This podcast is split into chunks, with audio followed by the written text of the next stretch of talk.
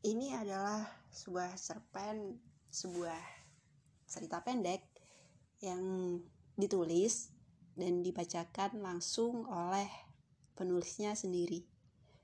Judulnya adalah Apel Merah oleh Aksara Hakanan. Tessa, aku memanggilnya dengan suara lirih, namun hanya sunyi yang menjawab. Aku sempat berpapasan dengannya sebelum ia mempercepat langkahnya masuk ke dalam rumah. Sepertinya ia sedang ingin mengajakku petak umpet malam ini. Aku rasa ia butuh sedikit hiburan. Aku memutuskan untuk ikut masuk ke dalam rumahnya. Lenggang, tak ada seorang pun di sana. Aku melangkah masuk. Tessa, di mana kamu? Ucapku dengan nada lirih.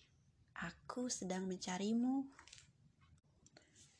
Sepekan terakhir, rumah ini terlihat sunyi setelah muncul sebuah breaking news bahwa ada sepasang suami istri yang terjebak di dalam mobil. Tapi naas, mobil itu meledak setelah terguling ke dalam sebuah jurang di perjalanan pulang. Iya, pasangan itu adalah orang tua Tessa. Tessa, kamu mau main petak umpet denganku? Ucapku masih dengan nada lirih. Aku melangkahkan kaki lebih dalam. Ekor mataku selalu mengintip setiap ruangan yang kulalui. Baiklah, siapkan tempat persembunyian terbaikmu ya. Siap atau tidak, aku akan segera menemukanmu. Aku tahu Tessa pasti merasa sangat sedih atas kejadian yang baru saja dialami.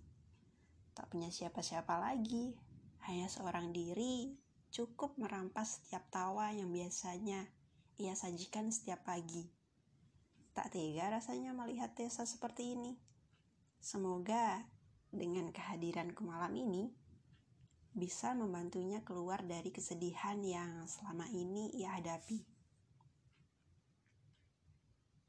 Terdengar suara pintu yang ditutup dari langkah dengan langkah pelan dari arah dapur. Aku memutar kepalaku 45 derajat menatap arah suara itu. Tessa, apakah itu kamu? Tanyaku lirih. Bersiaplah Tessa. Tak lama lagi aku akan menghampirimu. Aku melangkahkan kakiku ke arah dapur. Bola mataku tertuju pada sebuah almari berukuran cukup besar dengan dua pintu. Salah satu pintu itu terlihat sedikit bergoyang, dan aku rasa cerita ini akan segera berakhir. Tessa, aku tahu kamu di dalam sana. Ucapku sembari melangkahkan kaki pelan menuju almari itu. Cepatlah keluar, Tessa. Ayo kita gantian jaga. Aku menyadarkan diri pada sebuah kursi meja makan, persis di depan almari. Sayup-sayup, aku mendengar suara napas tersengal-sengal dari dalam sana. Apakah kamu masih nyaman bersembunyi di, bersembunyi di dalam ruangan sempit itu, Tessa? Tanyaku sedikit berbisik. Baiklah, jika itu mau kamu, aku akan tetap mengizinkanmu di dalam sana. Aku mengambil sebuah apel merah di atas meja makan itu. Aku melebarkan pandanganku mencari suatu benda yang mungkin bisa digunakan untuk memotong apel ini. Namun, aku hanya menemukan satu benda. Bentuknya seperti pisau potong. Tapi sayang sekali, sepertinya sudah lama tidak dipakai dan terlihat noda karat di ujungnya. Tessa, Apakah aku boleh minta apel merahmu ini satu? Tak ada jawaban. Kata orang, jika seseorang hanya diam, maka itu artinya setuju. Aku menggigit apel itu. Ah, sial. Gumamku. Tak seperti permukaannya yang begitu renyah saat digigit. Dagingnya terasa lembek dengan warna coklat pudar yang menjijikkan. Sepertinya kamu ingin mengerjaiku kan, Tessa? Aku berbisik pelan. tepat di depan pintu almari. Apel ini busuk. Aku meletakkan apel merah itu di atas meja tepat di hadapanku. Tangan kananku meraih pisau potong dan karat di ujungnya yang baru saja kutemukan tadi. Apakah kamu tahu, Tessa, bahwa kita tak seharusnya membiarkan sesuatu yang sudah tak segar lagi. Lihatlah apel merah ini, ia sudah layu dan akhirnya hanya menimbulkan parasit. Aku menghentikan kalimatku sejenak. Pandanganku terfokus pada apel yang sudah tak utuh itu. Biarkan aku memperlihatkan kepadamu, Tessa, bagaimana kita bisa membebaskan apel ini dari parasit yang menyerangnya. Sial! Cairan dari apel itu menciprat ke pelupuk mataku setelah aku memukulkan pisau bagian cutting edge dengan sekali hantam. Apel ini memang sangat lembek. Aku mencabik-cabik ke apel itu dengan gaya mencincang daging kasar. Apakah kau melihat itu, Tessa? Tanyaku di tengah aktivitas mencincang apel ini. Nah, kan, apel ini sudah hancur dan dia tidak menjadi tempat parasit sialan ini lagi. Sayup-sayup, terdengar suara isak tangis yang tertahan. Tessa, apakah kau menangis di dalam sana? Tanyaku menatap almari besar yang terbuat dari kayu jati. Itu terlihat sangat kokoh. Ada apa? Kau merindukan orang tuamu, Tessa? Aku beranjak dari tempat dudukku, berjalan mengelilingi setiap sudut ruang makan ini. Ruangan ini seperti terlalu luas hanya untuk makan tiga orang.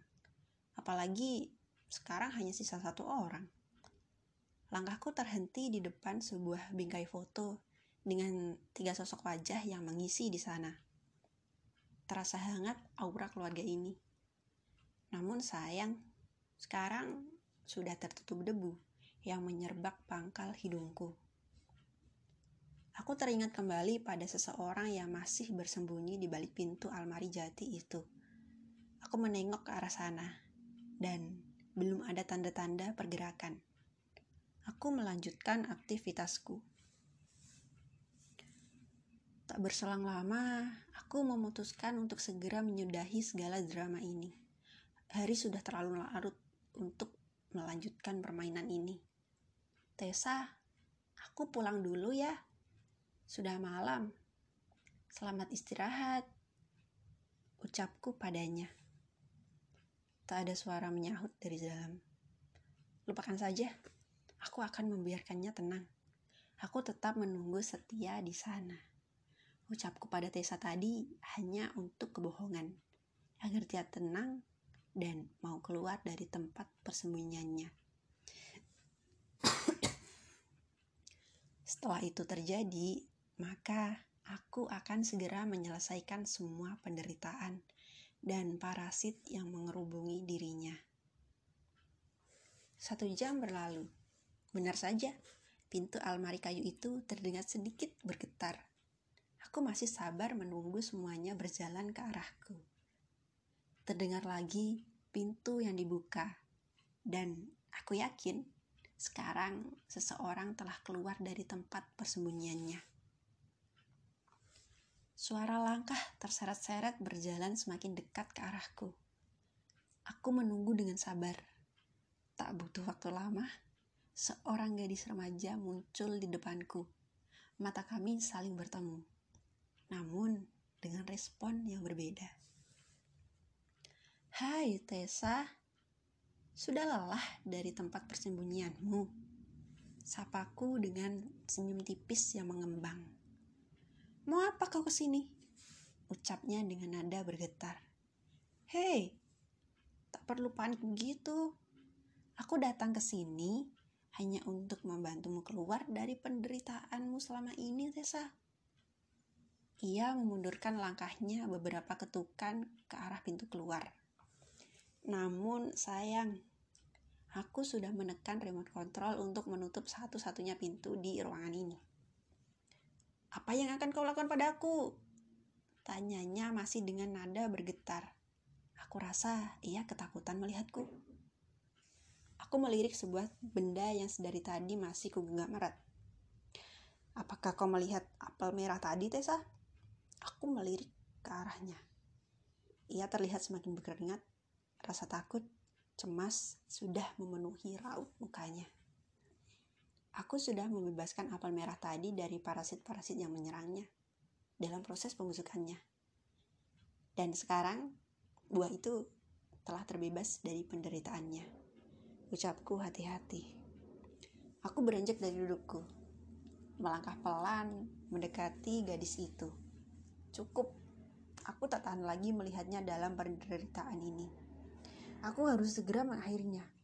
Tak jauh jarak kami berdiri, hanya butuh beberapa langkah, aku sudah berada tepat di hadapannya. Kenapa kau menangis, Tessa? Apakah ini air mata terakhirmu? Kau sangat merindukan orang tuamu, bukan? Kau ingin kalian kembali bertiga menjadi keluarga yang utuh, kan? Air mata gadis itu terus mengucur semakin deras. Isakan tangis mulai terdengar parau. Baiklah, sekarang adalah waktuku untuk melakukan aksiku dalam pembebasan penderitaan Tessa di dunia. Selamat tinggal Tessa. Selamat bersenang-senang. Aku menghantamkan benda tajam yang sedari tadi kupegang. Pisau potong berkarat itu dengan lancar menusuk gadis perut gadis remaja malang ini. Darah segar mengucur keras, deras. Aku menusuknya berkali-kali. Sampai di titik terakhir, aku harus memotong daerah sendi vitalnya untuk memutus kehidupannya. Bau anyir darah mulai tercium. Gadis itu telah terbebas dari penderitaannya. Ia terkulai lemas, tak bernyawa, dengan berlumurkan darah yang mensucikan dirinya dari dunia. Sekali lagi kuucapkan, selamat tinggal Tessa. Salam untuk mama dan papa. Tamat. Bio narasi. Nama penaku adalah Aksara Akanan. Di umur 21 tahun ini, aku sedang berjuang untuk manggil, menempuh gelar sarjana filsafat dari kampus biru di kota Yogyakarta. Kota kelahiranku disebut sebagai kota ukir. Aku senang berkicau di Twitter dan berkeluh kesah di podcast. Kalian bisa temui aku di Instagram at aksara underscore akanan. Terima kasih.